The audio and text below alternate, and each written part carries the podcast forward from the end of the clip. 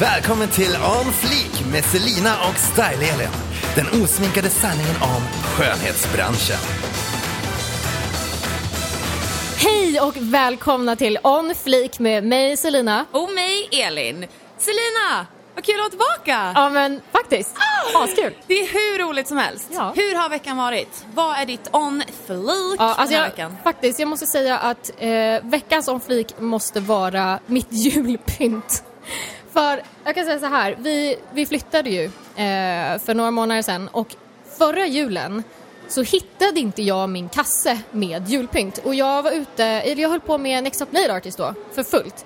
Så att jag var så jäkla trött, jag orkade inte hålla på med julpynt. Men det kändes så sorgligt att jag hade liksom inte en enda julpryl framme. Och så nu tänkte jag att nu när vi har flyttat lägenhet, liksom första julen i Men den då nya vill man ju nästan lägenheten. ha så här nytt julpynt för det ska Ja, kännas vi fräscht. köp, jag köpte faktiskt lite nytt. Jag köpte lite tomtar och grejer. Köper du tomtar? ja, jag har hört Så här tomtar. tyg eller? Ja, i fönstret. Så att, eh, nej, och sen när jag satte upp, jag köpte massa nya såna här lampor, du vet såna här ljusslingor i Ja. fönstren och sen har jag såna här bollar, du vet, så, Alltså som ser ut som köpte ju snöbollar. såna bollar. Men j- jag har nog provat överallt i hela lägenheten var jag ska ha dem för jag tycker att det ser så töntigt ut. Ja. Jag vet inte, hur har du hemma hos dig? Eh, alltså det hänger ju som en girlang i, i fönstret bara liksom. Jag har köpt, jag har köpt två, testat. två slingor faktiskt med samma bollar så att det kan följa hela fönstret för vi har ganska mycket fönster. Men det roligaste var ju faktiskt när jag, var, jag, jag, åkte, jag gick till Åhléns som ligger väldigt, väldigt nära Mm. min salong. Och eh, så skulle jag köpa de här bollarna och det. Och så såg jag de här tomtarna. Och jag bara, åh gud, jag vill ha den här tomten. Och så stod jag och höll i den och bara, åh det finns en kille och så finns det en tjej. Du vet, är bara mössan hänger ner över ögonen och så är det så stor näsa. Och killen har så här skägg och tjejen har eh, flätor. Så, alltså så söta i så här grått och vitt. Santa craving. Ja men alltså jag dör, de var så söta. Och så var jag precis på väg att köpa det sen bara, men gud vad tacky, jag kan inte köpa det här. Så köpte jag bollarna, liksom gick därifrån. Sen på vägen till, tillbaka till salongen, jag bara, nej men vad tusan, julen är ju tacky. Ge mig tomt, tomtejäveln. Så du var och köpte ett jag du köpte gick, tomtarna? dagen efter köpte jag båda tomtarna. Vart står de hemma nu? Ja, de sitter som sagt i fönstret. Och är så här, lite inbakade med en liten julstjärna och lite växter och sådär. De har liksom en egen liten värld. Kan inte du ta en bild på dina tomtar och lägga ut på Ja men vi gör det, eh, absolut. Jag Instagram? ska, jag ska ta mitt tomtehörn och lägga upp det på våran Instagram Ja, On. Fleek-podden om ni har missat Ja. det. Men Elin, din veckans On Fleek. Jag har ju, alltså mitt veckans On Fleek är ju lite speciellt men jag känner verkligen att det, jag slog, vad säger man, slag i saken. För att jag la ut en video på en av, mina, en, en av mina sociala medier om att jag hade varit på en dejt med en jätteskev kille. Och det handlade kort och gott om att eh, vem ska betala? Killen eller tjejen på första dejten? Och av alla de som kommenterade och har hört av sig till mig så har, vi, har det bara en, det, vi har liksom bara kommit fram till att killen ska betala på första dejten. Och jag kände bara så här, det här var ett on fleek moment. det är jättekonstigt on fleek moment men jag kände bara så här, det är så rätt. Men vad hände på dejten då? Vem var det som betalade? Nej, men alltså tomten ville ju liksom att vi skulle dela på notan.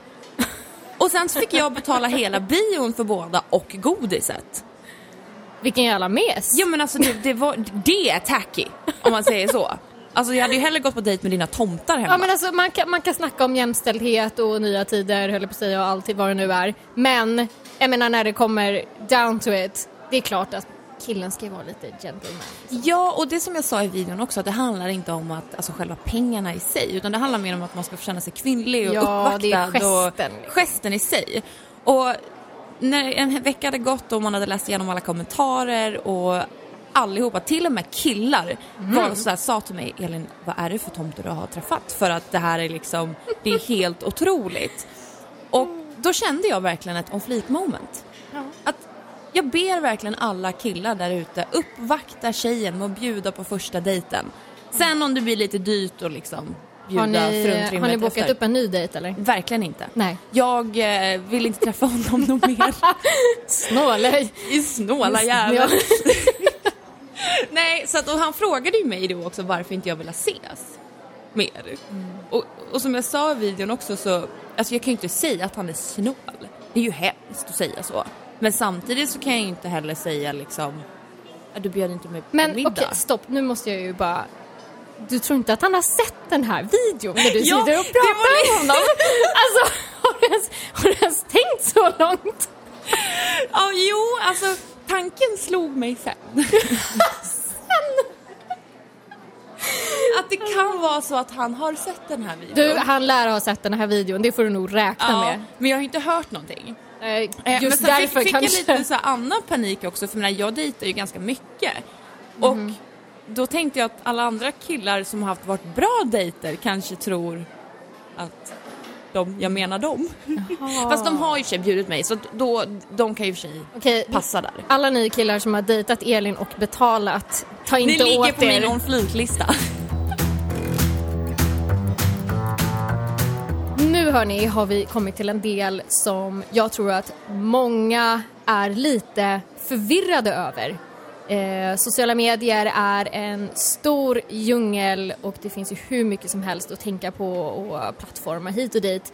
Därför har nu jag och Elin bestämt oss för att vi ska starta OnFleaks sociala medier-skola!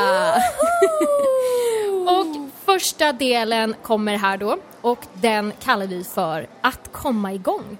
Jag hade verkligen velat haft den här skolan när jag började på sociala medier. För det är en djungel och utvecklingen går framåt så fort. Och man ska hänga med, man ska ha Snapchat, man ska ha Instagram, man ska ha Periscope, man ska ha allt. Och det är ju svårt också att veta vad som passar, vad som passar en själv. Och vad ens business det man jobbar med, vilket ska man inrikta sig på och varför och hur funkar de? Så att, ja, nu gör vi så här. Vi kommer att rabbla oss igenom de viktigaste då, sociala medierna som vi tycker och lite hur man använder dem, alltså inte, nu ska vi inte gå in på detaljer här, men vilket syfte de har och kanske vilken målgrupp. Och så- nu inriktar, vi oss också till business. Precis, men eh, ja visst, det är klart att vill du starta alltså ett jag säga, business med dig själv som brand, då funkar det här också. Självklart. Så att till exempel om du vill bli eh, nästa Kissy, då funkar det här också. Absolut, och vi har lite secret information att Absolut. delge oss. Så om vi tar och börjar med, eh, vi kan börja med Instagram. Så vi har Instagram, eh, då kan ju jag tycka att det är lite åldersmässigt, eh, inriktar sig till lite mittemellan ålder. Det är både yngre och äldre men håller sig lite mest mittemellan. Så jag skulle väl säga kanske runt 18 till 35 skulle jag säga är liksom största målgruppen. Den fungerar ju mycket som en portfolio för eh, ditt brand eller eh, din business. Eh, det är också en, en inspirationssida. Det är lätt att hitta bilder, det är perfekt för till exempel eh, som vi som jobbar med kreativa yrken, att vi kan verkligen visa upp vad vi har gjort. Eh, istället för till exempel ja, men som ett blogginlägg, där måste du ha mer content, alltså mer informativ text. Det behöver du inte ha på Instagram. Nej men precis, och jag tycker att Instagram är mer en ytlig portal. Att eh, precis som du säger också, att det är det kreativa som kommer fram och det är lätt att ta en bild och den säger så mycket. Man behöver inte skriva så mycket heller om precis det man gör. Utan man lägger ut en bild det blir inspiration, man kan ändå kommentera, man kan tagga, man kan hitta så otroligt mycket. Jag menar, hur många känner inte igen sig att man går in på en hashtag som går in på ett konto och dens kontos konto och så den som följer den och dens mammas sons flickvän och sen så matchar man med den på Tinder. liksom. det är som ett spindelnät och det är väldigt lätt, det är roligt, jag kan sitta på Instagram i timmar ehm, och bara söka runt. Så Instagram är ett jättebra en jättebra plats till att verkligen visa vad man går för. Och det kan jag också säga, det jag tycker är intressant att du säger att det är ytligt. Mm. För även, jag märker det själv, jag försöker skriva väldigt mycket för jag försöker connecta med Men ingen läser följare. texterna, Ingen förlåt, de läser gör inte caption, det. ingen gör det. Eh, jag kan skriva tusen gånger om vad jag använder för färger och allt vad det nu är. Men det är ingen som läser. Nej. Därför är ju då till exempel om vi går vidare till nästa plattform, blogg. Så den Ja. lämnar jag över till dig för du Ja. är ju mer, liksom, lite mer proff, bloggproffset. Precis. Eller, precis, precis. Oh ja. Oh, ja. Äsch, inte ska väl jag. Nej men precis, blogg är ju eh, en eh, 2.0 av Instagram kan jag ju säga och idag har ju bloggarna blivit så otroligt proffsiga. Det är snygga bilder, det är bra text, det är snygg design, det går att kommentera. Det, blogg är ett fantastiskt nät, eller nätverk skulle jag nog säga faktiskt för att kunna kommunicera på ett, på ett bättre sätt och verkligen skriva av sig och make a statement om man säger så. Man kan få ut mycket information. Har man en business där man verkligen vill skriva ut priser, listor, öppettider och där folk faktiskt går in och läser. Det är ett jättebra plattform. Men som med alla sociala medier också så finns det ju fyra miljoner bloggar. Det finns fyra miljoner tusen miljarder Instagramkonton. Och därav så tycker jag nästan att om vi går över på Facebook Mm. är, tycker jag, det, det snabbaste sättet att nå ut Mm. till människor. Absolut. Så att jag, om vi säger så här, har du ett Instagram-konto, då måste du ha ett Facebook-konto. Där finns det en smart grej, för du kan ju koppla ditt Instagram-konto till ditt Facebook business-konto. Så att lägger du ut en bild på Instagram, då kommer den automatiskt upp på Facebook. Så där får du faktiskt två i en. Så att jag skulle säga så här, har du Instagram, då finns det ingen det finns ingen bortförklaring till att du inte ska, eller då att du ska ha Facebook. För att det är så himla lätt. Facebook, eh, nu är det ju tyvärr så och det håller på att, det, ha, det har redan hänt lite på Instagram. Facebook har ju köpts upp av, eller tvärtom, Instagram har köpts upp av Facebook. Och för något år sedan eller när det var så ändrade ju Facebook att om jag till exempel har min business-sida, jag lägger upp ett inlägg, jag har kanske, vi säger att jag har tusen följare. Då kommer det alltså bara vara 5% av mina följare som faktiskt får upp det här inlägget i deras feed. Så att vill jag att det ska synas för fler som följer mig, de har faktiskt valt att följa mig men det är bara 5% som faktiskt får se, då måste jag betala. Detta har de nu också börjat lägga över på Instagram. Det är bara en viss procent som ser dina bilder som du faktiskt lägger upp. Men Facebook är bra, det är jättebra att ha, framförallt om du ska jobba in eh, sponsorer eller liksom samarbetspartners och så vidare. Det är bra att ha mycket följare på många olika plattformar och Facebook är en av dem. För där kan du ju faktiskt som sagt köpa annonser, vilket många företag kan tycka är en bra sak. Jag har faktiskt köpt annonser på Facebook. Har du gjort det? Jag har också gjort det. Ja. Och sen tycker jag Facebook är ett jättebra sätt att kommunicera på. Mm. Man kan kommentera på ett mycket enklare sätt än vad man kan till exempel göra på Instagram för det kommer nästan upp direkt på Facebook. Du har kommenterat det, du har gillat Mm. det. Eh, Det finns också, har man en eh, business till exempel och så kanske man går in och gillar en sida som har ungefär samma business som man själv. Vilket då gör att du hamnar bland människor som jobbar kanske med samma sak och så kan man dela Ja, men man kan dela inspiration och man, kunder eller vad som helst. Så det är väldigt bra nätverk även för branschfolk som jobbar med samma sak. En annan sak som de har eh, kommit ut med för ett tag sedan, det är ju de här livestream-grejen. Ja! och det är så himla kul. Jag älskar livestreams. Jag tycker det är, jätte, det är jätteroligt att göra och det är jätteroligt att titta på. För du Kom du kan ihåg ju... våran livestream som Ja, vi vi, gjorde? måste, vi måste faktiskt ta den historien. Vi, jag körde ju faktiskt ganska mycket livestreams ett tag från salongen eh, och det är ett fantastiskt sätt att knyta an med sina följare. Det är så himla kul för du får en instant eh, reaktion på det, Det är du den säger. enda, tycker jag, delen på Facebook som man kan faktiskt känna att man är personlig. Ja, verkligen. Mm. Det, var, det, det är väldigt beroendeframkallande. Det är verkligen det. Så att, eh, nej, jag satt ju en del och när jag gjorde kunder så riggade jag upp min mobil och sådär. Så satt vi ju och gjorde naglar och körde live samtidigt. Och jag kör ju mitt på engelska då eftersom att Ja, jag och det har, vill jag verkligen Ja. komma till för att jag är ingen engelska expert och Selina då är ju väldigt, väldigt bra på engelska i och med hennes jobb. Så det, det, var, det var kul för jag tror alla jänk, jänkare och australienare och alla, Ja. gud vad de garvade åt mig. Men det var, de, Men jag bjöd på det. de connectade med dig och mig väldigt, Ja. väldigt bra just för att vi skämtade ju med det också. Ja. Men då satt vi, jag gjorde naglarna på Elin och så körde vi live så att vi, jag hade riggat upp min mobil så den filmade och sen så satt du med din mobil och följde livestreamen så du kunde ju sitta och läsa upp kommentarerna åt mig så kunde jag svara på det. Eh, eller till oss då. Och eh, det var jätteuppskattat och jag måste säga att det var nog lite där som idén till våran podd föddes. Ja. För att det var I alla fall mellan så... dig och mig. Ja, precis. Vi För att- varandra väldigt, väldigt bra. Ja, men det flöt på bra, det var kul. Så att, eh, nej, livestreams eh, på Facebook skulle jag absolut rekommendera. Det är ett jättebra sätt att connecta med sina eh, följare. Jag skulle nog eh, faktiskt undvika, om jag ska vara, talar utifrån mig själv, Periscope. Eh, för att det blir så många olika ställen att hålla koll på. Ju- om du använder livestreamen på Facebook så kan du ju dela den till, alltså det kommer ju på din business-sida till exempel. Den kommer gå ut till alla, alla dina följare där, annars så måste du liksom hålla på och, eh, ja men du vet, peta folk åt olika håll dit de ska. Och då är det så lätt att bara försöka samla det så mycket som möjligt ändå, måste jag säga. Men om vi går över på Snapchat. Precis. Jag, det, Snapchat för mig är den enda portalen, om man säger så, som jag använder för att vara privat. Att kunna ta en bild när man är så här ful eller när man har tränat eller när man gör någonting i sin vardag som är lite personligare och mer privat. Att folk kan följa en och ja, men bildas en annan uppfattning än bara all den här business som både du och jag använder vardagligen till vårt jobb. Liksom. Så jag gillar Snapchat jättemycket för det blir så mysigt på något sätt. Jag följer ju jättemånga även business i vår värld, men som använder Snapchat och de använder Snapchat på samma sätt. Väldigt privat och väldigt personligt. Så det gillar Det är jag väldigt opretentiöst. Liksom. Eh, man kan slänga upp vad som helst. Och jag kan känna att eh, jag vill, jag har velat köra den här personliga eh, stilen ganska länge men jag märker att det funkar inte riktigt på Instagram utan eh, där får man hålla sig mer till portfolio. Minsta lilla privata grej, om jag lägger upp en bild på mig själv vad som helst, alltså du vet jag får så här 100 on-followers liksom för att folk bara I don't give a shit, liksom. jag bryr mig inte om vem du är. Nej, vill bara Instagram är naglar. så, där är så du, du går in och följer ett konto för att Ja. du vill se vad det kontot levererar.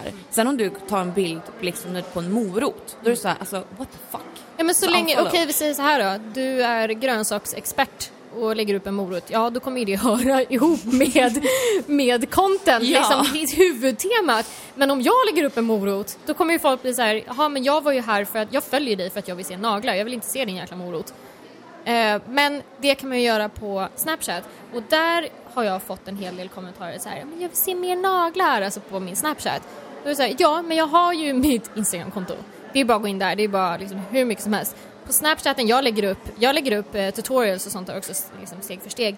Men jag, okej nu låter det här hemskt, men jag bryr mig mindre om hur liksom, det ser ut. Alltså om folk avföljer mig där för att jag lägger upp, oops, för att jag lägger upp någonting om mig själv, då känner jag att det, det spelar ingen roll. För att där är det min safe zone att bara få så här. Jag får bara vara mig själv och nu tänker jag på det här och nu tänker jag fota en ful min för jag känner för det. Och det jag använder också Snapchat till, det är för att kommunicera med mina följare, för jag har en öppen Snapchat. Och det kan ibland, det kan ibland vara väldigt jobbigt för man får väldigt mycket konstiga eh, snaps från människor och, Och det kan vara lite creeps eh, också. Men jag tar det. Jag någonstans här, jag ska försöka hålla min Snapchat öppen så länge jag kan. För att där känner jag verkligen att, att ni som följare ändå har chansen att kunna kontakta mig på ett väldigt, väldigt lätt och eh, ja, men, som vi sa, opretentiöst sätt. Väldigt enkelt. Och det tycker jag är så mysigt, att ha den eh, möjligheten. Så att jag ska försöka ta bort alla creeps och fokusera Det- mer på de som skickar roliga är det- fantastiska saker. Jag vet inte om jag har berättat det för dig men jag, för, jag sa ju det för att jag har ju min stängd. Men jag öppnade ju den för ett tag sedan. Och jag, nu måste jag ju berätta bakgrundshistorien med det för att jag hade den öppen. Jag tycker det är så himla roligt att få respons och få snaps. Ja, det är Eh, fantastiskt. Ja, det är den enda så stället som jag tycker är så kul. Men jag förstår inte det här med att folk random skickar ut liksom, bilder och filmer från sitt liv till hela alltså, kontaktlistan. Och liksom, du vet, jag fick så här tio videor på folks ungar som ligger på golvet och, och låter. Men alltså jag måste fråga dig en sak. Mm. Det här med att människor, du vet man tar en snapchat och så skickar man till alla. Vem gör det? Mm. Nej, men det, är Det är det mest jag, irriterade, i- alltså det, alltså det är så irriterande så Nej men jag fattar inte det. Alltså jag tycker man kan jämföra det med att du sitter på ett café, vi känner inte varandra och så kommer jag fram till dig och bara trycker upp en bild i facet på dig bara Titta på mitt barn, titta på mitt barn! Jag vill säga hur, hur unikt känner man sig? Snacka om att verkligen säga in your face, du är en i mängden, jag skickar det här till alla. Det är jättekonstigt. Även om det är en vän eller om det är vem det nu än är. Om Mm. jag skickar en bild som ska till en person, då blir ju det en, en rolig konversation. Men om jag tar en bild och skickar det till hela telefonlistan. Alltså det är så irriterande. Ja, alltså blir jag- så jag har aldrig- Sluta skicka till alla, Ja, skicka till en specifik person. det, det är jättekonstigt. Det är faktiskt exakt jättekonstigt. kränkande. Ja men faktiskt, alltså jag menar jag tar bilder på mig och Martin och Martin hela tiden men det ligger ju på min story så jag menar folk får ju välja om de vill titta på det här eller inte. Mm. Det är inte så att jag tvingar upp en bild i någons ansikte på Martin och bara kolla på min hund! Alltså, jag det är förstår det så. inte. Nu, vi har ju en, eh, vi har en sista. Ja, sen ska vi gå över på det nya stjärnskottet inom sociala medier. Youtube. Yes. eller ny och ny är det verkligen inte. Nej, det är men inte det har nytt, fått men- ett uppsving av dess like. Ja. Youtube-stjärnorna har tagit över bloggvärlden. Ja. Och face to fact, vi gamla bloggare, vi lär step up. Vi, måste, Mm. vi har alltså ett heltidsjobb som bloggare och nu måste vi även vara grymma på Youtube för Mm. att ens kunna komma närheten av alla Youtubers idag. Så eh, Youtube, också jättebra sätt att connecta med sina följare. Du får ett ansikte och eh, det gör jättemycket. Verkligen. Eh, jag har varit lite fram och tillbaka med det här. Jag kan bara berätta hur jag känner.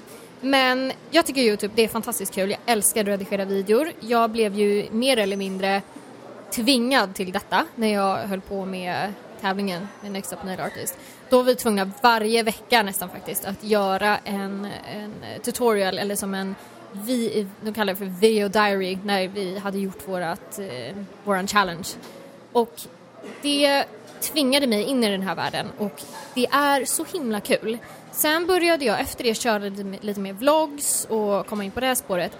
Men sen eh, har jag, jag har ju, eller båda vi, är, har ju väldigt mycket vänner inom, eh, om man säger sociala medier-världen. Eh, så vi, vi får ju veta väldigt mycket vad som händer när man klättrar uppåt lite på olika, alltså på olika plattformar. Och en sak som jag kände bara avskräckte mig något enormt var det här att så fort man börjar youtuba och vlogga, just vloggar, att det blir en helt annan, eh, så folk blir obsessed på något sätt av, den, av, liksom, av personen som är i de här vloggarna.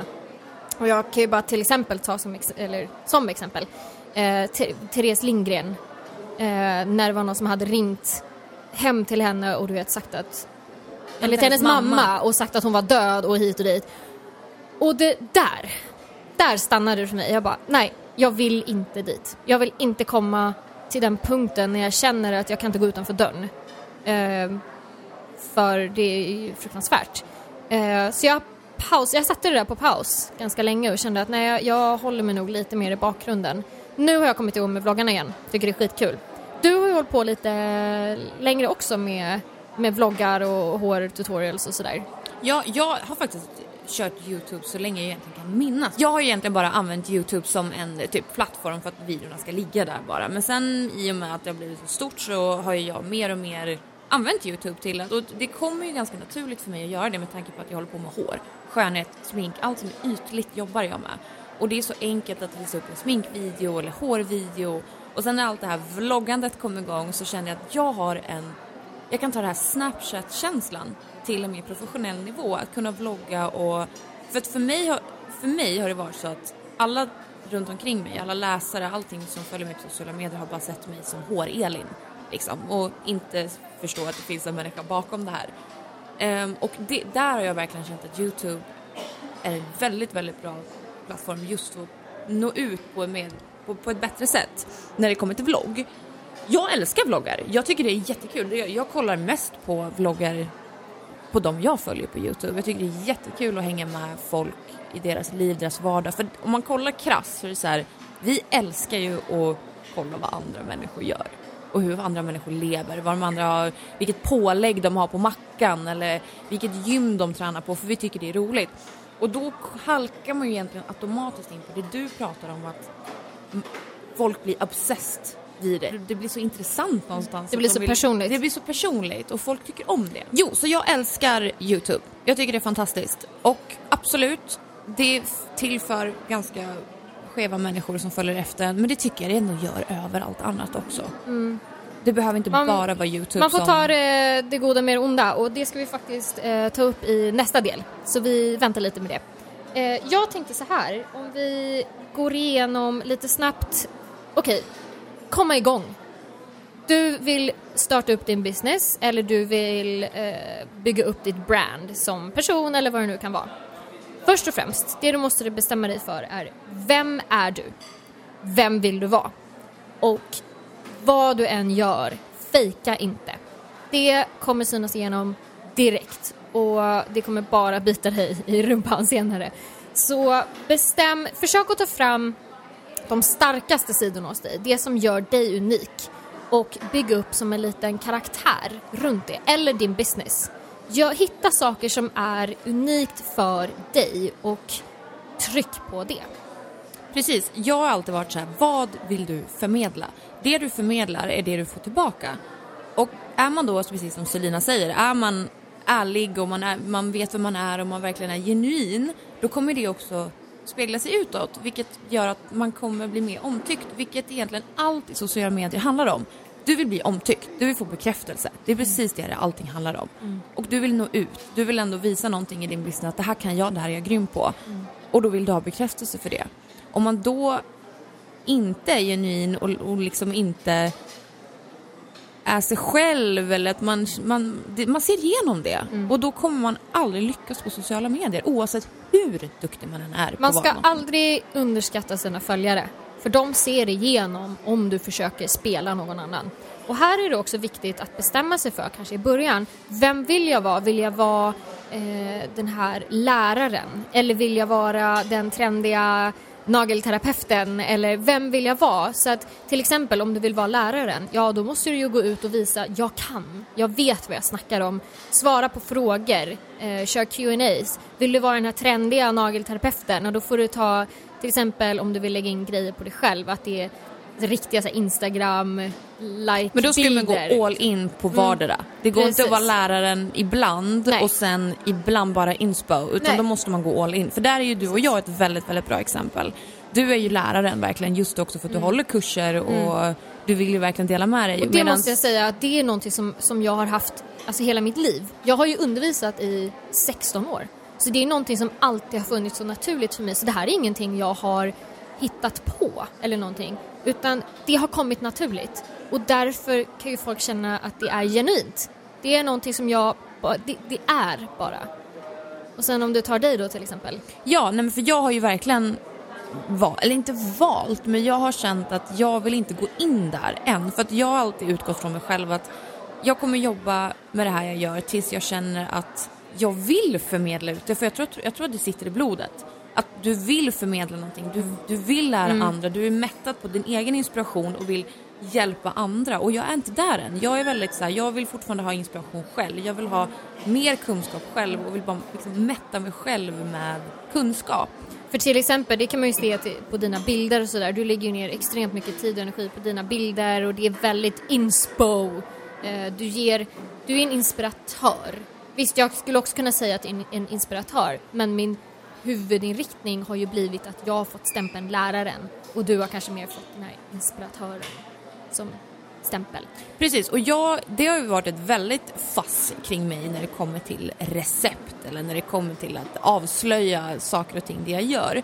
Jag försöker mer pe vara mer peppande inspiratör, att försöka någonstans, jag, jag, skulle kunna dela med mig allting jag har att göra med typ business, hur man gör och hur man ska tänka, allt det här psykologiska.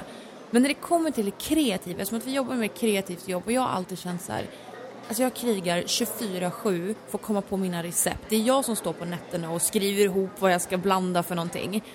Och jag känner så att det måste, det är min grej. Det är, mitt, det är min bebis. Om då jag ska liksom ge ut det till alla andra, det är precis som vilket stort business som helst. Att du ger inte ut recept på saker och ting som du lyckas med. Förrän du själv känner att nu är jag redo att släppa det här. Nu vill jag att någon annan ska förvalta det. Och jag hoppas att jag kommer till den punkten en vacker dag, för jag vill det. Jag vet att det är många som ja, det, tjatar alltså, jag på dig. Så, både, alltså, lite som vi var inne på innan, vi kommer gå in i ett annat avsnitt när det kommer till hat och konkurrens. Men jag säger det redan nu, är det någonting jag har fått mest hat så är det för att jag inte dela med mig av till exempel färgrecept. Vilket jag tycker är så intressant som vi ska prata om senare. En annan viktig sak som är bra att tänka på och det är lite återkommande det här som jag sa om Therese Lindgren. Hur mycket vill du dela med dig av dig själv rent personligt? Eh, så bestäm dig innan, för, eh, innan just om du vill, vill du berätta allt om ditt känsloliv? Vill du berätta om dina relationer och allting eller vill du hålla dig mer privat? Var ligger din gräns någonstans? Och sen som sagt får man ju vara beredd faktiskt på lite konsekvenser av att man, eh, om man berättar för mycket om sig själv. Men bara så att man är medveten om det, det är jätteviktigt. Ja, jag tror att i början så väljer man nog mest kanske vara väldigt privat men jag tror senare om så väljer man nog att bli lite mer personlig för att man blir en intressant person och folk vill veta mer om en och Precis. då vill man ju mätta det mm. till sina läsare. Så jag tror det kommer ganska naturligt. Ja, men jag tror som sagt det är viktigt att sätta upp kanske en inre gräns för sig själv. Att börja det rulla på. Eh, bestäm då att här sätter jag min gräns. Jag tänker inte berätta mer än så här. Till exempel jag, jag väljer att inte lägga upp bilder på min familj.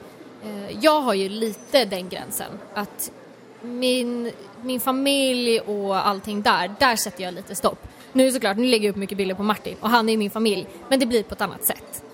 Eh, och det är ju också för att jag menar, mina föräldrar eller Christian har inte valt att vara en del av sociala medier. Och därför tänker jag aldrig tvinga dem in i den världen samtidigt som jag känner att jag vill behålla dem för mig själv. Jag vill inte att de ska utsättas för någonting, liksom få konsekvenser för någonting som jag har valt att ge mig in i. Sen är det också viktigt det här med att eh, connecta, som vi har sagt hela tiden, med dina följare. Engagera dem superviktigt. Eh, så att fråga saker. Fråga, vad tycker de?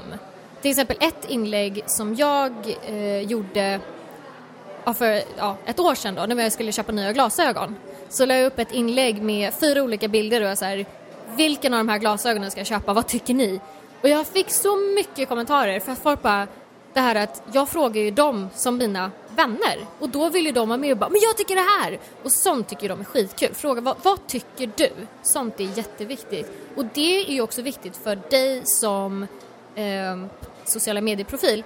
Du måste lära känna dina följare. Det är A och O. För har du en bra bild av dina följare, vad de tycker om, vart de finns, hur gamla de är, då kan du också utnyttja det för att få ut mer information. Jag tycker också att det är viktigt att ha en bas. Att man väljer ett ställe som man lägger mest krut på. Att, som till exempel, jag har ju min blogg, vilket den är ju störst och därför har jag lagt mest krut på det. Och därav välja småvägar till alla andra sociala medier. Du har din Instagram där du är störst på och därav småvägar därifrån. Så att man väljer ett forum där du vill bara fokusera mest på, för sociala medier tar tid. Mm. Det, det, tar väldigt, väldigt mycket tid. Det ska redigeras mm. bilder och det ska mm. läggas upp och det ska tidsinställas och det, det, det tar så mm. mycket tid att lägga upp allt det här. Och man kan inte vara proffs på alla. Alltså du kan inte vara 100% på alla plattformar. Det går inte. Så är det bara. Nej men precis. Så därför så mitt verkligen bästa tips är att fokusera på en sak, en mm. plattform och sen hitta småvägar genom alla precis. sociala medier. Och vara väldigt tydlig. Hitta en inriktning. Är du grym på herrklippningar? Då lägger du bara ut på herrklippningar och då kommer det också bli så att alla andra som söker på herrklippningar och vill hitta herrklippningar då kommer de automatiskt komma till din sida för att det är där din profession ligger.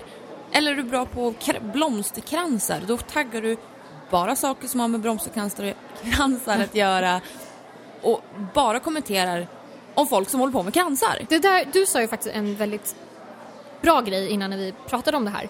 Att det du lägger ut, det kommer bli din profil och det är det folk kommer att se och sen söka sig till. Så till exempel för min del, jag gillar inte att göra franskt, till exempel franska naglar. Men då lägger inte jag ut så mycket franskt för att jag kommer ju dra till mig folk som vill ha franskt då. Jag lägger ut mycket nail art och sånt. Men det är eh. någonting som folk inte förstår. Jag, alltid när någon frågar mig, då säger jag så här, det du lägger ut, det är det du får. Ja. Folk frågar mig, alltså säkert flera gånger i månaden bara varför lägger du inte ut på korta frisyrer? Gör du inget annat än långa hår? Man bara, jag gör hur mycket korta frisyrer som helst. Men alltså som att jag vill göra omrefärgningar, jag vill göra långa hår, det är min grej. Då kommer jag lägga ut det, för det är det som drar till sig folk. Och det är det tror jag som folk inte riktigt förstår. Att det du lägger ut, är det det du får. Yes. Och sen har jag en, eh, ja, typ en sista grej som jag tycker är jätteviktig. Och det är så här att man måste göra det lätt för sina följare. Är det så att du har gjort nu, till exempel som jag, gjort ett YouTube-klipp och så ska du lägga in det i ett Instagram, en Instagram-bild för att hänvisa liksom och säga att nu har jag lagt upp ett YouTube-klipp, gå in och kolla. Då kan du inte bara skriva kolla in min YouTube utan du måste lägga in en länk, du måste lägga in en länk i bion. Det ska vara ett klick från det inlägget du har gjort, oavsett plattform, ett klick max, så ska man kunna komma till nästa grej som du vill visa. Blir det svårare än så, då kommer folk inte göra det. Ett klick. Precis, och där, där är jag lite sådär, för att jag har ju min blogg som min plattform och då alltid när jag lägger ju in allting på bloggen. Vilket gör att när jag säger bara länk bion, då är det en länk till min blogg. Och då har jag alltid vetskapen att de kommer ju gå in för att de vill se video, men sen kanske de hittar någonting annat på min sida som de också tycker om och läser det, så att det blir som en dominoeffekt. Det är också, poängtera igen, ha ett forum där allt ligger så att allt är klickbart just på den sidan. Och sen klassikern, syns du finns du. Så att försök att tänka bort eh, jantelagen. Det är bara att kötta på allt vad du kan. Du ska Och säg synas. att du är grym! Ja. Alltså visa att du är bra, visa självförtroende och du tror på din idé, du tror på dig själv och du, du tror på det du jobbar för. För att om inte du tror på det, då kommer inte heller någon annan göra det. Och har du, alltså din, ditt, om man säger det, det du brinner för och ditt engagemang och din, framförallt din entusiasm, den kommer smitta av sig. Är det en genuin entusiasm, då kommer folk dras till det. Så att det måste vara på riktigt. Du kan inte, som sagt, återigen, du kan inte fejka dig genom eh, alltså en, en personlighet eller en känsla. Men sen också skulle jag verkligen vilja säga att antalet följare, alltså verkligen antalet. Jag kan följa konton som bara kanske har 5000 följare. Men det är som ett bra konto. Du vet bilderna, personligheten. För det finns ju också, det får man inte glömma, det finns de profiler som har ganska låga antal följare men som är riktigt grymma som vi också ska lyfta tycker jag. Men sen finns det stora konton som har flera miljoner följare som jag bara, alltså vad hände här? Man ska inte ta det på så jättestort allvar Nej, tycker och jag inte Jag heller. kan säga så här också. Hellre 10 hardcore-följare Som kommenterar, som Ja. gillar, som tycker om dig. än 100 som inte bryr sig. Exakt. För det är inte roligt. Och det kommer inte ge dig någonting. Eh, jag kom på en sista grej faktiskt. Och det är det här med att uppdatera. Eh, uppdatering, skitviktigt. Du ska uppdatera ofta, du ska visa att du finns, du ska visa att du är aktiv. Du ska få följarna att vilja gå in på din sida utan att bara du vet för att de får det i feeden. Utan de ska kunna varje morgon säga oj just det, jag måste gå in på Elins sida för jag vill veta vad hon har gjort. Men, det finns ett men, uppdatera inte för ofta. Så till exempel på Instagram, uppdatera inte liksom med fem bilder i följd för att det kommer uppfattas som spam. Så det finns en liten, du vet, gyllene medelväg där så man måste, man måste känna av lite vad tycker du själv är spam? V- vad händer, vad har hänt om du någon gång har avföljt en person? Vad var det som hände? Jo, hon kanske slängde upp ja, tio bilder i rad och du bara men gud, håll käften. så det är också jätteviktigt. Mm. Ja, men jag håller med dig helt. I vår värld så är det mycket så här, yta, glitter och glamour och vi blir så glada när vi får mycket följare på Instagram. Vi, vi känner någon slags bekräftelse att vi är många som läser vår blogg och vi är omtyckta. Men det finns en del som är hemsk och det är som man kallar nättroll idag, eller hat. Och det kan både vara privat, men också i vår värld, även professionellt. Att det är så många i vår värld som vill backstabba oss och göra livet surt för oss lika väl som att folk kommenterar hur vi ser ut. Så vi tänkte prata om baksidan av sociala medier. Så när det kommer till hat, konkurrens och etc.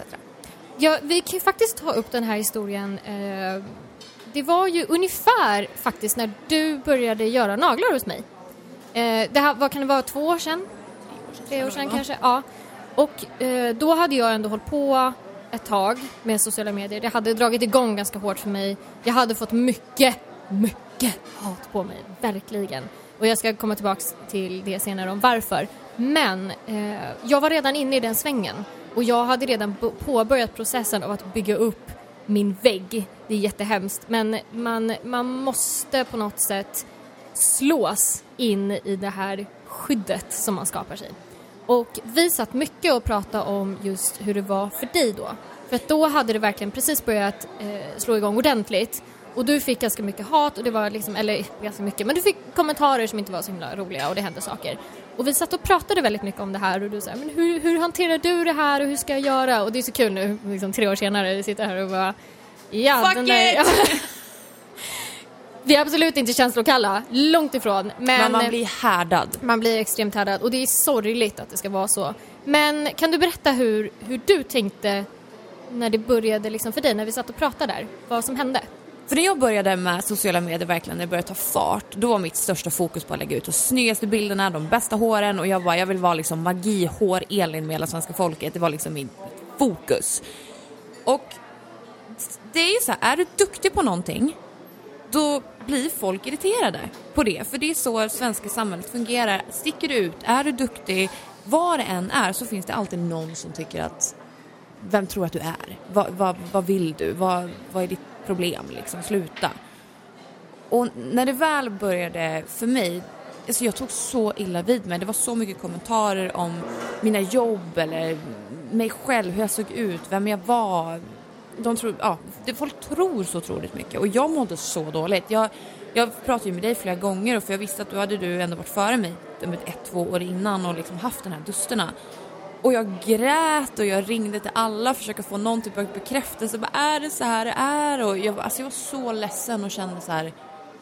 Jag måste ha hjälp. Nu lägger jag av med det här för att jag, jag tar inte det här. Jag gör inte det. Och då är jag en väldigt tuff tjej. Alltså jag har alltid varit det och väldigt stått för mig själv liksom. Men att få hat och kommentarer från helt o... Alltså människor man inte känner. Det är så hemskt. Om till exempel du skulle säga till mig, vad Elin, fan ful du är idag. Då skulle jag såhär, ja ja okej men ja, ja men fast det är jag inte. Alltså då kan jag, för jag känner dig. Mm. Jag kan ha en, alltså det blir en annan dialog. Men att få hat från helt random människor det tar mer mm. än att om någon vän till mig säger dumt, vilket är jättekonstigt. Det borde ju vara tvärtom. Det borde vara tvärtom. Mm. Men för mig är det helt, så får jag en kommentar bara Elin för fan vad ful du är eller någonting sånt. Det tar värre än om någon annan som jag känner säger något dumt till mig. Men ja, jag kan ju faktiskt ha en, en historia lite för mig när det där satte igång för mig. Och eh, när jag kom tillbaka till eh, nagelvärlden, jag hade ju hållit på med dans och koreografi och jobbat som professionell dansare i flera år och eh, bestämde mig till slut för att nu vill jag komma tillbaka. För jag utbildade mig först som nagelterapeut och sen var jag borta i flera år. Jag hade lite vid sidan av sådär men, men det var inte mitt huvudyrke. Och sen kände jag att nej men nu vill jag sluta med dansen för att jag, ja massa saker där också. Men jag kom tillbaka. Och i och med det så kände jag okej okay, nu jäklar, nu ska jag promota mig. För jag hade ju lärt mig så mycket av det här med att kunna promota sig själv i och med dansen. För det är det enda du gör, du promotar dig själv.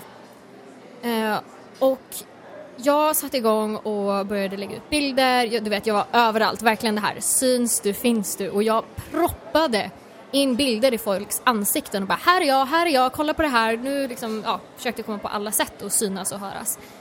Sen är jag en sån här person som, eh, jag bryr mig väldigt mycket. Eh, och jag bryr mig framförallt om orättvisor, om man kan säga det så. Så att på alla såna här vet, nagel, forum och sidor så, där, så var jag väldigt aktiv för att om, det var, om jag såg att det var någon som blev orättvist behandlad så var jag alltid inne och skulle försvara den här personen. Och det uppfattade ju resten av nagelvärlden som, alltså du vet, jag var ju jordens provokatör, alltså jag var ju mest störande människan ever.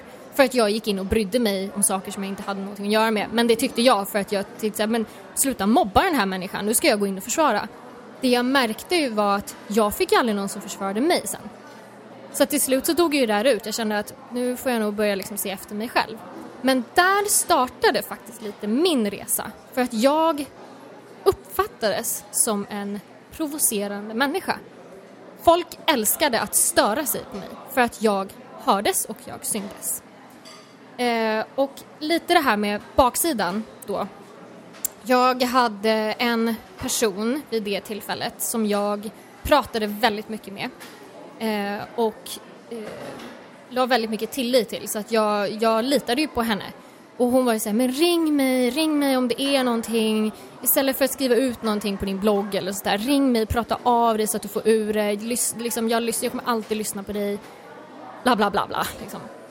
Sen visade det sig då att allt jag sa till henne hade hon gått till sin arbetsplats sen och gått och snackat skit om mig och sagt allt jag hade sagt till de andra. Och precis som du sa, den här klassiken, vem tror hon att hon är?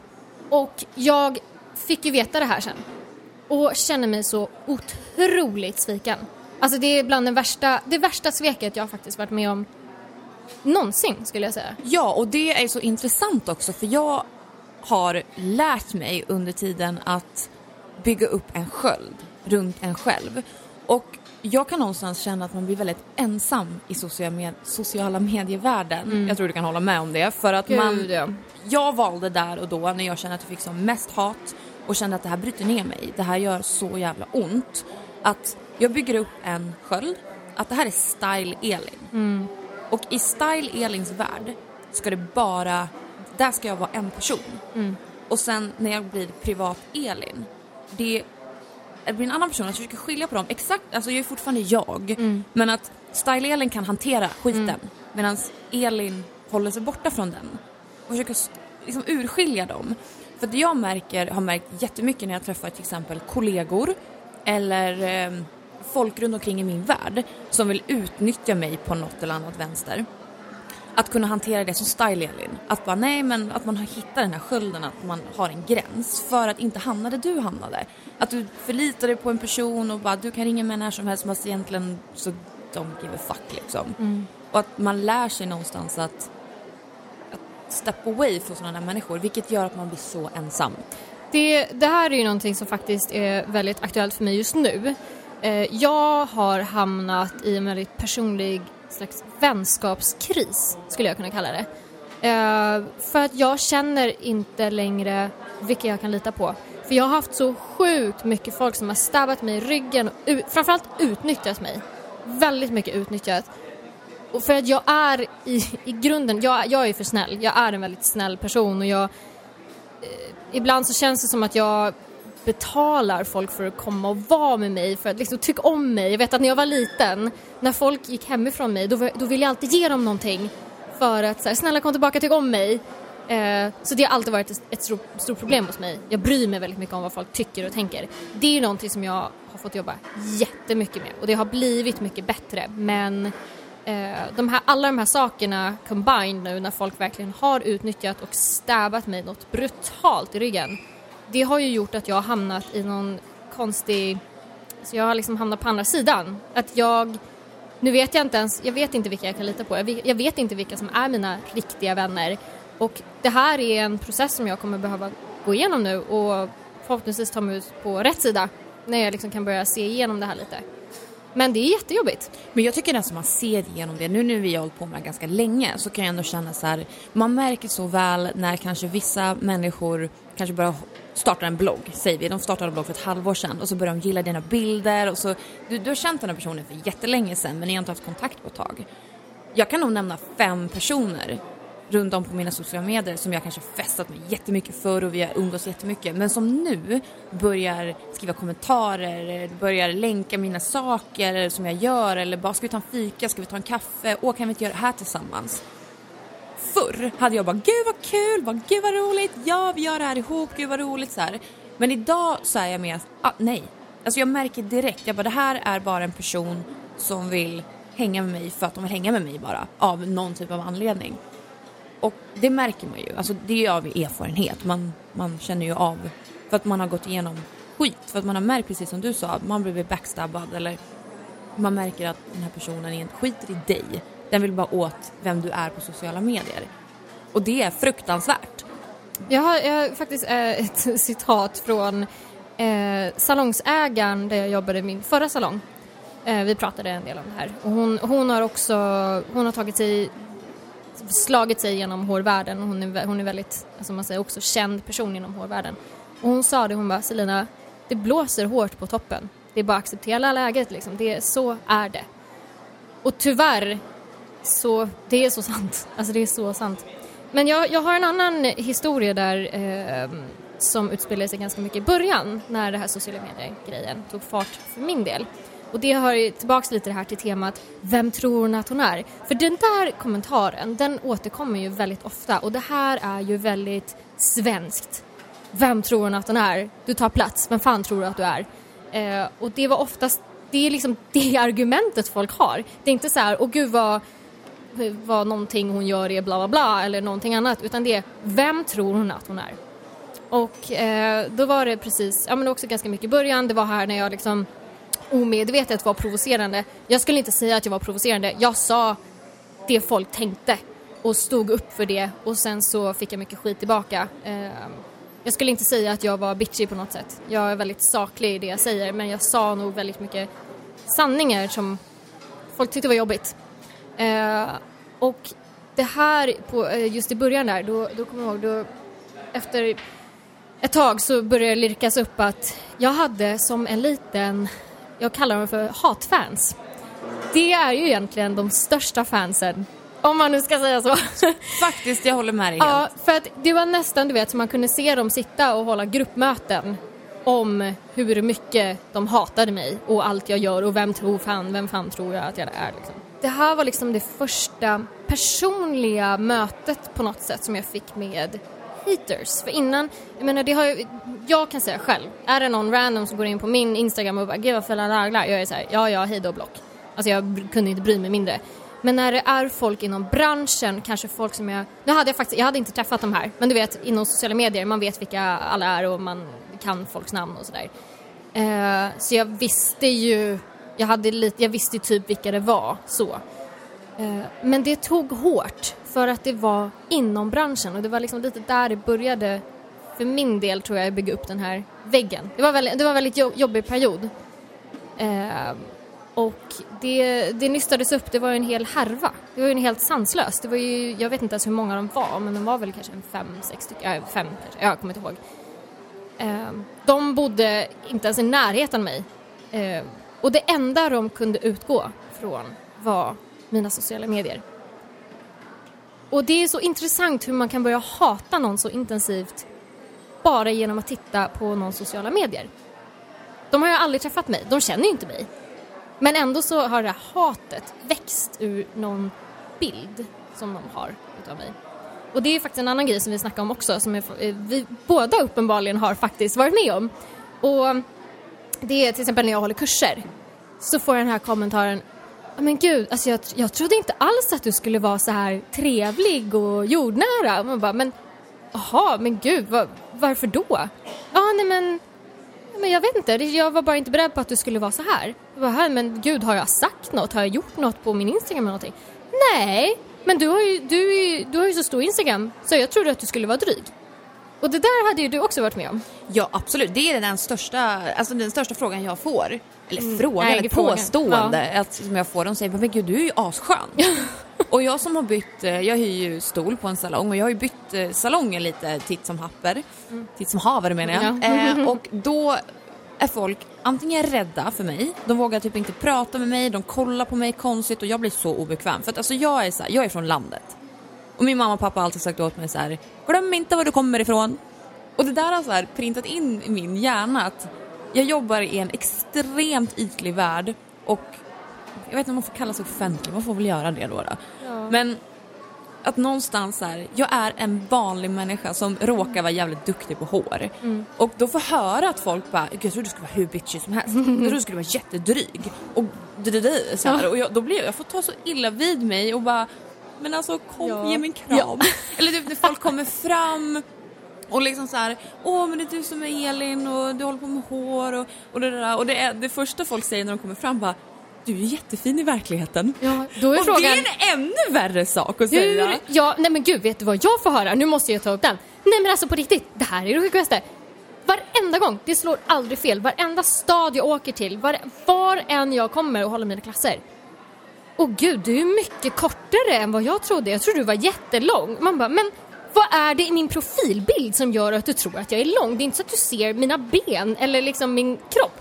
Du ser ett ansikte och trodde jag var lång. Ja, men så där är hela funkar tiden. det där? Alltså när jag var på Beyoncé-konserten stod i kön, då var det flera tjejer som kom fram till mig och bara Alltså du är så vacker i verkligheten. Alltså du är, du, du är mycket finare än vad du är på bilderna fast bilderna är jättefina. Och då blev jag så här, då tänkte jag så här, är folk andra fula Nej, eller, på jag... bild och inte mm. i verkligheten? Eller är det liksom så att sociala medier virrar bort någonting? Eller Ska jag ta det som komplimang eller ska jag Fast bara... jag kan ju bli tvärtom såhär bara, jaha, är jag ful på bild då? Ja, men då blir man nästan såhär, jaha okej, okay. är jag ful på mina bilder eller ja. Vadå liksom? Ja, men jag, har fått, jag, jag vet, jag har också fått det där. Och alltså, det där tycker jag är såhär, jag, jag, nu skrattar jag lite åt när folk säger ja. liksom någonting, då brukar jag bara, ja ja vad kul så. Men det, det är jätteroligt hur folk uppfattar den på sociala medier och faktiskt när man träffar dem i en reel hur, vad, vad som kan komma ut folk. Mm. Ja, och där kan jag faktiskt återkoppla till den här historien med hon som jag eh, var väldigt nära och som totalt bara svek mig fullständigt. eh, efteråt när hon hade flyttat från den arbetsplatsen och jag kom dit så fick jag höra sen på omvägar att jag menar, de som jobbar där, de hade ju en bild av mig. Jag märkte ju det. Alltså när jag kom dit så märkte jag ju att de, de tyckte ju verkligen inte om mig och jag förstod inte varför. Eh, sen så fattade jag ju då att det var ju på grund av henne och sådär. Men då fick jag höra på omvägar att då var det någon som hade bara, men alltså vadå? Selina hon är ju jättegullig. Jag bara, men okej, okay, så att du utgår från en persons åsikter. Och det är så lätt det där. Att man blir, det är så lätt att bli påverkad tror jag. Och där är ju som sagt, om vi ska sammanfatta det, baksidan. Du, oavsett vad du säger, har en människa en bild av dig och de vill att du ska vara en bitch, då kommer de hitta bitchen i vad du än säger. Om du säger god morgon, hoppas ni alla mår bra, då kommer de hitta bitchen i det här. Det spelar ingen roll vad du säger eller vad du gör. Men någonting som jag tycker är kul om vi skulle prata om, det är hur man bemöter kritik som en då kan man säga offentlig person. För att jag från början så var jag som en bitsklicken du vet, tonåring och om någon skrev bara så här, äh, måste du lägga slingorna så högt upp? Alltså det skulle, alltså det drog mig till mm. vansinne. Jag bara, ditt lilla pip, snacka inte om min slinga. alltså i början var jag galen och du vet jag svarade på alla kommentarer och bara pappan till mig. Men då, då, då högg du tillbaka? Jag högg alltså. tillbaka så mm. hårt. Mm. Men sen, och då märkte jag att jag fick ju tio gånger värre tillbaka. Mm. Eh, för jag som privat, om du skulle säga vad gäller en da till dig så blir jag provocerad av det. Det är då, då bara bam, bam, bam i real life. Men på sociala medier så måste man ta allting så otroligt diplomatiskt och det där mm. tog många år för mig att lära mig. Mm. Jag kan skriva provocerande inlägg ibland eller säga vad jag tycker och, och så tycker jag bara är roligt för det blir en mänsklig faktor. Men det här med att bemöta kritik nu menar jag inte hat egentligen mm. utan menar typ att folk bara, ah, men, men som du kan få på dina instagrambilder, bara gud vad fult. Mm. Eller, ah, ska du men vara sådär, ew. Eller typ att eh, om jag gör världens finaste hårföning och folk bara det ser frissigt ut. Uh. Man bara kan de letar ju... Folk ja. letar så mycket fel. Och de letar efter saker du provocerar dig med. Ja, och det, det, fattar man ju efter ett tag. Men det lär man sig också. Men jag tycker det är så roligt hur, alltså hur bemöter du kritik idag? Alltså jag, det, en, en sak som jag kommer att tänka på nu när du pratar om det där, det är faktiskt en, en sak som Alexandra Nilsson sa till mig en gång, uh, Kissy, för jag har ju naglarna på henne gjort i några år. Och hon är ju extremt smart. Hon har hållit på med sociala medier, du vet, ja, jag ska säga halva sitt liv, men väldigt, väldigt länge. Hon kan det här och eh, hon sa ju en gång det här som är också, det är sorgligt men intressant. Man, som social medieperson, offentlig människa, så är man som ett lejon i en bur. Och folk kan stå och skrika och slå och banka på rutan eller på gallret och liksom man, är den här, man kan sitta där och inte säga någonting tillbaka men du är fortfarande så här, alltså de kan ju säga, de kan ju stå och banka, slå och göra hur mycket som helst. Så fort det ryter tillbaka för att de kommer för nära, det är inte kul. Jag menar, jag slutar banka på min, mitt galler, då blir du den här obehagliga odjuret, det här läskiga, farliga, avlivas. den jäkla lejonet liksom. Och det är precis så det är i sociala medier. Käftar du tillbaka, eller om du förs om käftar tillbaka, du försvarar dig själv, du står upp för dig själv, du tar inte, tar inte skiten. Då är du det här odjuret direkt.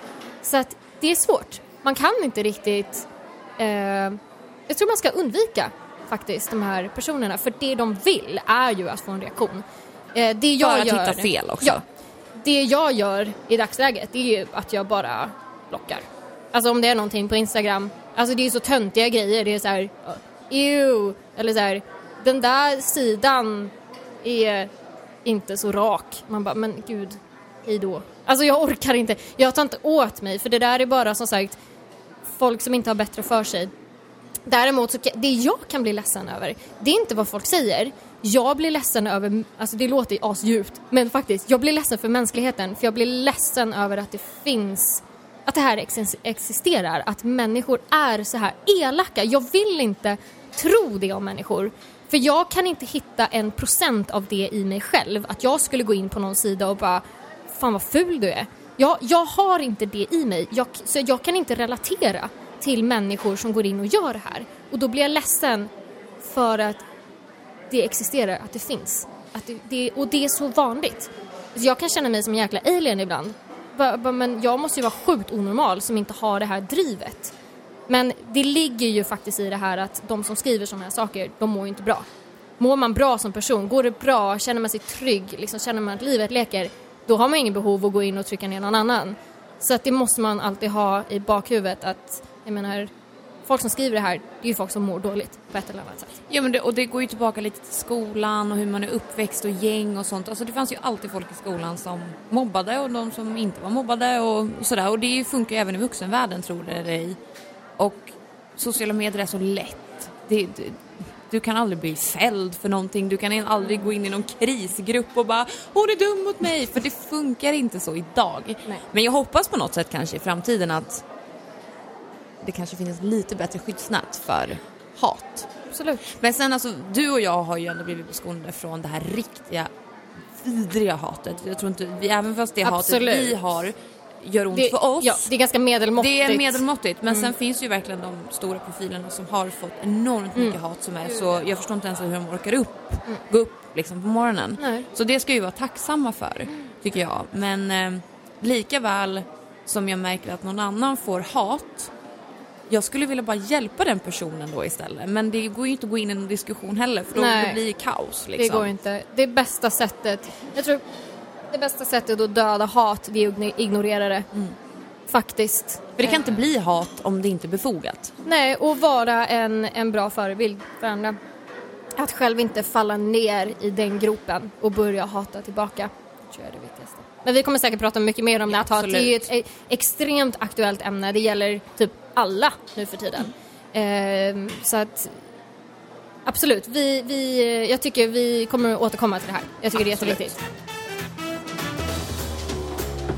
Veckans fråga.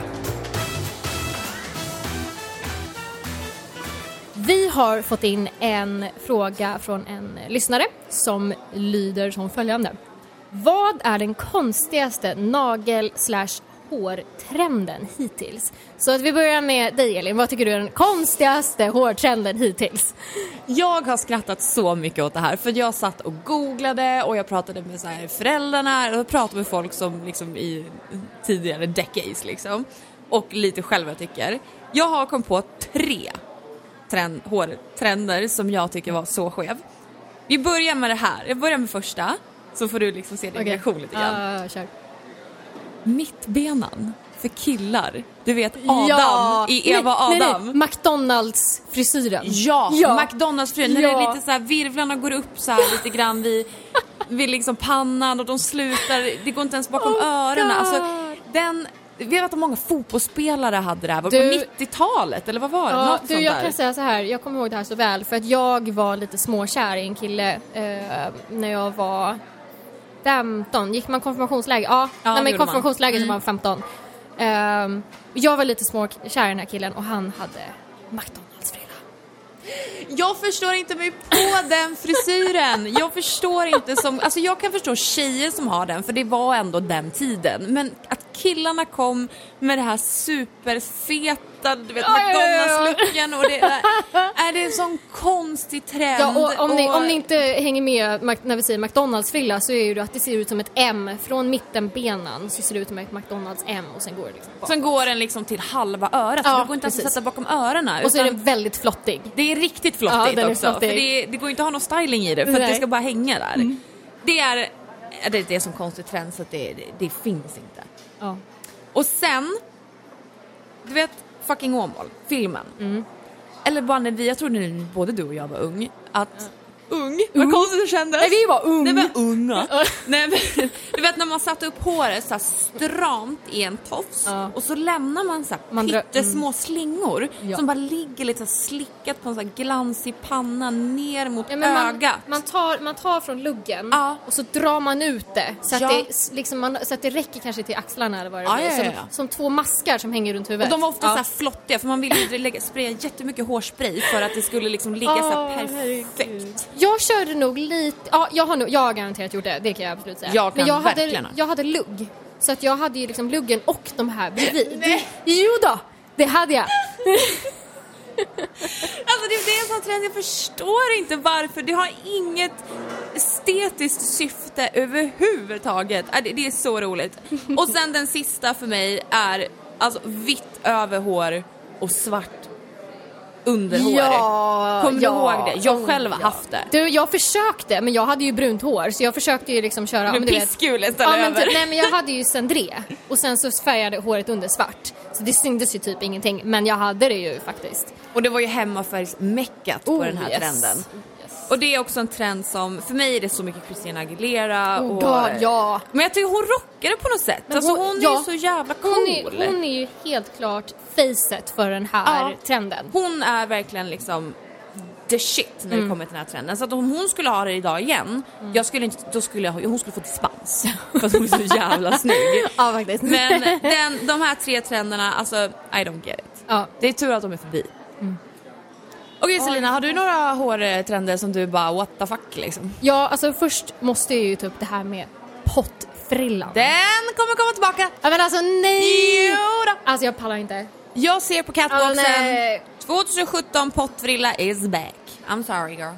Men liksom, why? Ja, In the, the lord of something. Alltså nej, på riktigt. Förlåt, det, är typ ing- det enda jag skulle kunna tänka mig passa i pottfrilla det är typ Halle Berry. För typ 10 år sedan. Jag tycker ingen passar i pottfrilla, sorry. Ja. Det är inte snyggt. Nej. Men är det, är det, kommer det tillbaka till killar och tjejer eller? Nej, det är tjejer. Va? Ja, Nej men alltså, det är tjejer. Killarna, de är besparade. nej, men alltså jag tänker ju bara på så här Jim Carrey typ i Dum och Dummare. Ja, ja, ja. Ja. Men han var för sig söt då. Sen tänker jag också på en, en, en nagelprofil. Ni som jobbar med naglar vet exakt vem jag pratar om. Eh, men ja, Ja. Nej, den är tillbaka, så tyvärr alltså. härligt. Sen har ju jag en, en till. Och jag måste ju erkänna att jag har själv hamnat i den här lilla trenden. Berätta. Miniluggen. Nej! Fast den var, inte, den var inte mini, den var kanske till hälften av pannan. Men den är ändå mini. Den är mini, den är fortfarande mini. Jag har varit där, jag har skolfoto på mig med minilugg.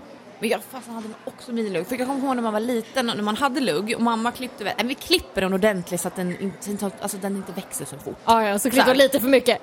Och så klipptes för mycket och så låg den ändå liksom så här mitten på pannan och så blåste det så fick man lite sån här böj som delade sig. Alltså det var hemskt. Gud, lugg som delar sig. Alltså jag, Nej. jag har ju levt med lugg som sagt halva livet. Jag vet the struggles of the lugg.